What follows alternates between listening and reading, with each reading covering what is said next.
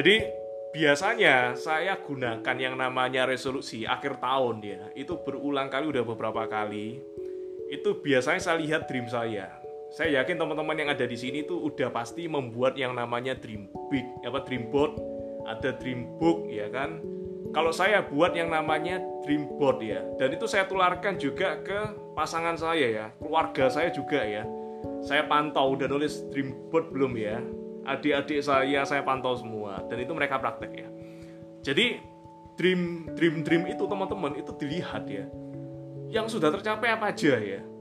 Skor saya tahun tahun ini ya itu ternyata nggak terlalu bagus ya. Empat aja ya. Empat empat dari delapan dream ya. Empat dari delapan dream ya.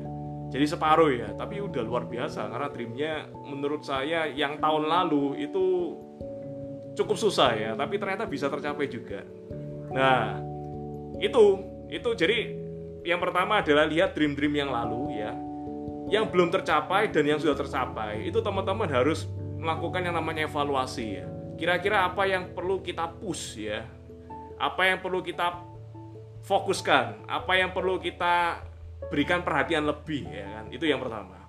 Yang kedua, membuat dream itu biasanya orang lain itu cuma satu dua. Kalau saya buat langsung 8 ya langsung 8 buat ya jangan cuma satu dua ya.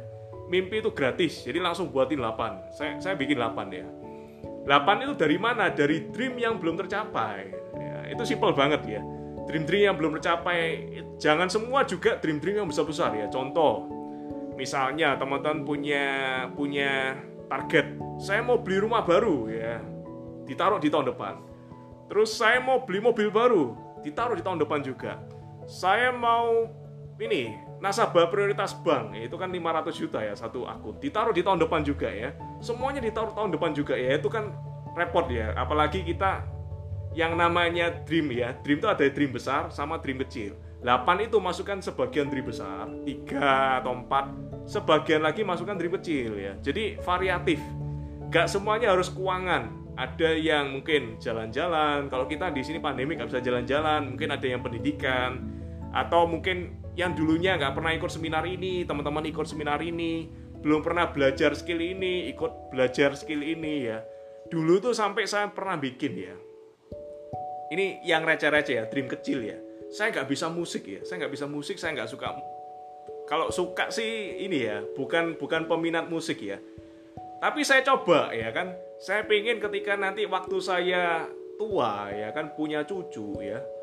Kalau misalnya tanya cucunya ini engkong ini ya, engkong mbah, kakek bisa musik apa aja ya.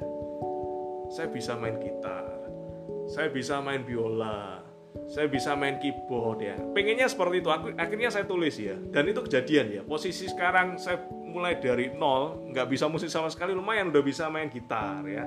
Klasik gitu ya, klasik ya, gitar klasik yang petian ya, bukan ngejreng-ngejreng. Lalu saya bisa main biola ya kan, bisa main biola, ikut Yamaha Music School ya itu hal-hal yang receh ya. Tapi menarik itu dilakukan hidup ini gratis teman-teman. Satu tahun tuh perasa cepat banget ya apalagi tahun ini ya terutama tahun ini ya. Kita ingatnya cuma Januari Februari Maret terus Desember ya.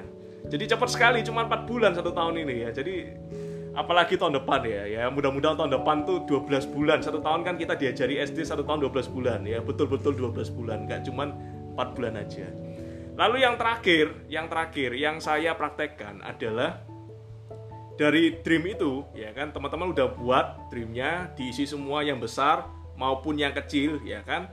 Lalu jangan lupa sebagian dari dream teman-teman itu divisualisasikan. Saya biasanya print ya, saya biasanya print. Jadi contoh, dulu kan saya pengen ya, saya pengen punya mobil Alphard ya kan. Annual target saya beberapa tahun yang lalu ketika saya tulis saya print. Ya print itu di ini di printer ya. Print di printer yang bagus berwarna dan itu tempel di dreamboard ya. Dreamboardnya tempel di kamar jangan di jangan di luar ya kan lebih bagus posisi yang paling strategis itu di kamar. Kenapa? Karena teman-teman masuk kamar tiap kali masuk kamar tuh kelihatan. Ada gambarnya. Tiap kali mau tidur juga kelihatan ya kan? Mau tidur baru bangun juga kelihatan. Nah Nah itu Pak Daniel di kamar mandi juga ya mungkin bisa ya. Awas tapi jangan sampai itu ya basah ya. basah kan dreamnya luntur ya teman-teman semangatnya luntur nanti nah itu ya jadi divisualisasikan itu penting banget ya divisualisasikan penting ya dan itu kejadian berkali-kali ya saya foto rumah ya kan itu mirip-mirip saya dapatnya itu saya foto mobil Alphard saya mirip-mirip ya warnanya hitam tipenya ini mirip-mirip kejadian. Kenapa? Karena itu law of attraction terjadi ya.